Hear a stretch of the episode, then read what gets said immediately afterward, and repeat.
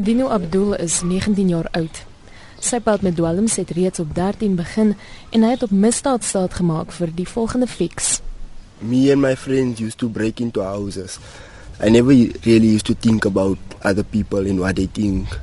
Like we'd walk in the streets and I would speak loud and proud about it. Like I don't care what anyone thinks about me. We used to stare people and get into gang fights and stole a few cars also because once it is you you can't stop. Die meeste van die geweld skryf hy toe aan betrokkenheid by bendes. People would see us like we're doing better than them and they would try to push us down and end up fighting like groups at a time, stabbing each other and shootings happening. Yeah, we were on crystal meth when we went in. So our minds was like we just want want everything. Tydens die gevegte het enige iets gekwalifiseer as wapens, van messe na bakstene en gebreekte bottels. Hy sê dwelms het sy persoonlikheid radikaal verander. It made me aggressive, very aggressive. Like I have a short temper, so it made it worse and I would be irritated with my family. I would write them off like I don't care. They would tell me I need help, and I was like, no, I don't need help. I'm fine. And I never really used to care about what they think, about what anyone thinks.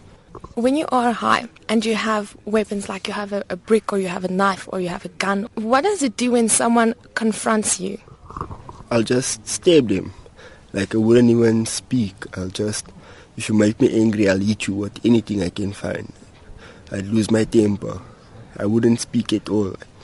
If you just weigh me something, and I'll stab you. Ek het hom gevra wat mens doen as iemand wat onder die invloed van dwelms is, jou konfronteer. You should just walk away because the drugs it takes your normal mentality away. Like you won't care about whether that person dies or goes to hospital. You wouldn't give two damns if I can say that. Rian Broodryk het op 'n sypaadjie op 'n plotpad vir die eerste keer met crystal meth kennis gemaak. Dis die ultimate feeling. Jy voel supernatural. Niks pla jou nie, al jou probleme is vergete. Ek het so 'n cool gevoel oor dit dat ek ek het hom die hele tyd gevra, "Gee my nog, gee my nog, gee my nog" en daar was nie, daar was nie einde gewees nie. Ek dink op sta daai stadium met ewen hy self wat al vir 'n paar jaar gerook het, het geweet dat dit is was die verkeerde persoon om te gee. Om genoeg geld te kry vir dwelms, het hy eers begin om vragmotorbatterye, gasbottels en munisipale eiendom te steel. Later was dit nie genoeg nie en het hy en 'n vriendin stooreenhede beroof met sy werksbakkie. Later het hy die verloor en die pad probeer vat, die keer met sy pa se bakkie. Sy ma was op die toneel toe hy later in hegtenis geneem is. Op daai stadium waar ek op die pavement gesit het met boeie agter my rug, het ek vir my ma gekyk in haar gesig en vir haar gelag en op dwelms het jy is jy het nie gevoel glad nie en uh, ek het vir my ma gekyk en vir haar gelag en gedink dis snaaks alles is 'n joke en ek het gedink ek gaan nog steeds nie kan tronk toe gaan want uh, ek's untouchable ek het daai dag ook weggekom ons het om die blok gery ek het die polisie se 500 rand gegee en uh, dit was right geweest hulle het my weer laat gaan Hy sê uiteindelik het hy sy eie identiteit verloor. Ek het aangegaan asof ek heeltemal 'n nuwe persoon is. Dit maak jou aggressief en voel dat jy kan enigiets doen. I mean, ek was al op gunpoint gehou en ek het gedink dat weet dis 'n joke. Ek het nie eens op daai stadium gevoel gehad nie.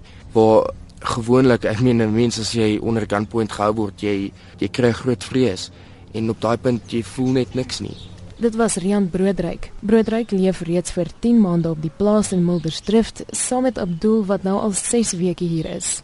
James Donovan is 30 jaar oud. Hy het op vroeë ouderdom met dwelms betrokke geraak.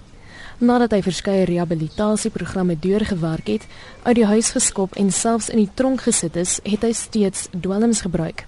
Uiteindelik het hy by 'n Nigeriëse bordeel werk en slaapplek gekry. Hy sê dwelms verander morele en etiese waardes radikaal. An ex-girlfriend of mine contacted me. and She had nowhere to go, and I said to her, "You can't stay here because he's going to expect you to work for him." And I organised with someone else to go, and then when she got there, he was just he kept feeding her drugs, so she didn't want to leave. So she ended up prostituting herself for drugs. And you know, I I vowed to myself that I would never allow anything like that to happen. But drugs made me go against every moral belief and principle I ever had. I mean, I remember doing a sexual favor for drugs, and it was for fifty rand.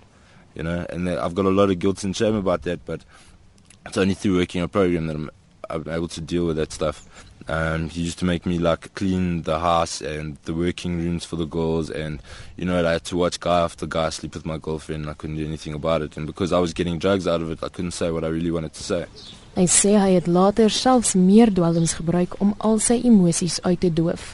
You know, he used to send me to areas like Rosettenville, Krugersdorp, and Pretoria, steal girls from other Nigerians, making them think that we're going to go use a lot of drugs for free and all that stuff. And then once they get into the gate, they can't leave. My girlfriend and I ended up on the street together. And, you know, she was still sleeping around in order to get drugs for us. We used to go hustle at highways and pull people over and organize petrol and nappies and formula, the whole lot, and sell that for drugs. Hy sê die onttrekkingssimptome dryf mense tot raserny en desperaatheid, veral as daar nie ondersteuningsstrukture is om na terug te keer nie. It's a terrifying experience because you really think you're dying. I mean, the, the, the pain is incredible. Once it comes to drugs and alcohol, you know, it's, it's an everyday battle. And the only way I got this long clean time is by constantly working a program. If that one person that I believe my higher power sent to help me get off that street, I would have died there. Hy onthou hoe selfs die polisie 'n rol gehad het in die versterking van sy gewoontes. I went to go steal liquor from a bottle store in Northcliffe, and the police actually took what I had and gave me a crack pipe and crack to smoke because they wanted alcohol. So I had to go back to the same shops that I'd just come from, stealing the exact same things. Jonathan Newton is 36 jaar oud. Hy het vir 20 jaar dwelms gebruik. Aan die begin was dit partytjie dwelms soos LSD en ecstasy.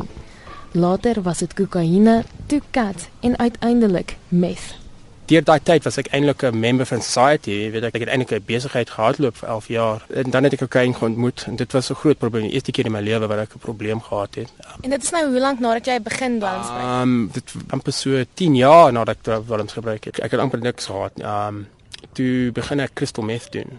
En in 2 jare het ek gegaan van 'n member of society wat huis gehad op 'n golfbaan, uh, my boot, karre, alles in 2 jaar het ek 'n uh, criminal geword. Hy is later in hegtenis geneem nadat hy gesteel het, maar verduidelik dat dwelm sy redenasieproses verander het. Die dwelms maak 'n mens dink dat jy jy doen iets reg, dit is nie fout dat jy jy winkels uh, roof, maar op die einde van die dag, ehm um, jy weet steel is steel en toe het, ek het shoplifting gedoen en ek het in Windsor ingetrek langs aan Cresta en dis basies Little Lagos, dis nou maar Nigerian En ek het daar gebly, niks anders te gedoen behalwe stealing en en dwelmgebruik. Newton en Donovan is reeds 'n geruime tyd deel van Gordon Dewar se Tough Love program. Ek is Marlene Forsie vir SABC nuus in Muldersdrift.